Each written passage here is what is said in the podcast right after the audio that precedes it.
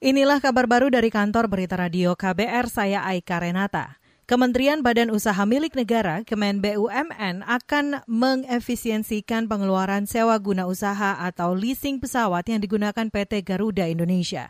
Menteri BUMN Erick Thohir mengatakan hal ini menjadi salah satu upaya menyelamatkan perusahaan maskapai pelat merah dari beban keuangan di masa pandemi COVID-19. Tentu kalau kita lihat perjalanan daripada Garuda sendiri, saya sejak awal mengarahkan kepada manajemen Garuda, kita harus terus melakukan efisiensi. Karena kenapa? Tentu kondisi COVID-19.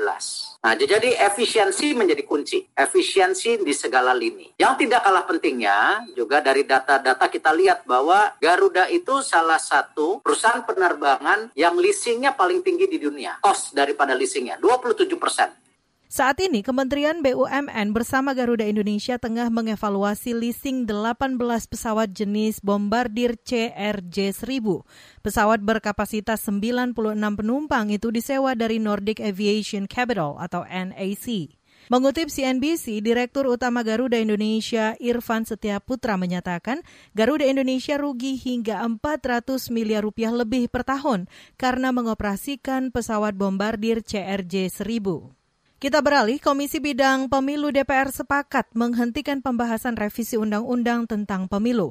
Mengutip antara news.com, Ketua Komisi Bidang Pemilu DPR Ahmad Doli Kurnia beralasan penghentian itu berdasarkan hasil rapat dengan ketua kelompok fraksi dan perkembangan dari masing-masing partai politik.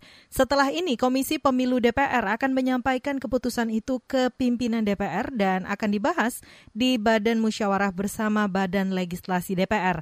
Kata dia, wacana mengeluarkan RUU Pemilu dari prolegnas akan diputuskan melalui rapat Balek DPR. DPR. Sebelumnya, rencana revisi Undang-Undang Pemilu menuai perdebatan selama beberapa hari terakhir. Perdebatan terutama pada jadwal penyelenggaraan pilkada. Sebagian fraksi menginginkan pilkada digelar pada 2024, sebagian lagi ingin dilaksanakan pada 2022 dan 2023. Satu informasi lain, Saudara, Badan Nasional Penanggulangan Bencana BNPB mengklaim kemampuan pemerintah mendeteksi, menganalisis, dan mengevaluasi resiko bencana cukup baik. Hal itu salah satunya tertuang dalam aplikasi Inarisk yang memuat informasi 13 potensi resiko bencana dan pemetaannya.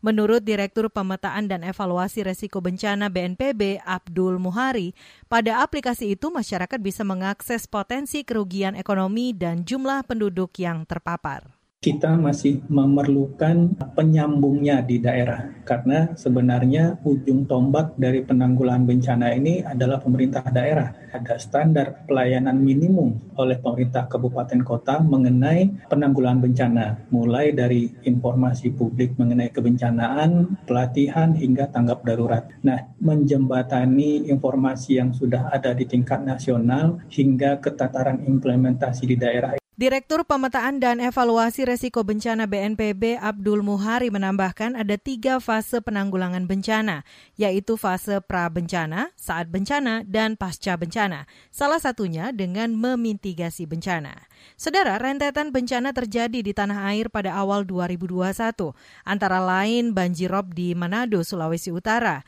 BNPB mencatat bencana tersebut telah menimbulkan korban jiwa dan puluhan ribu warga berada dalam pengungsian. Demikian kabar baru dari kantor Berita Radio KBR, saya Aika Renata.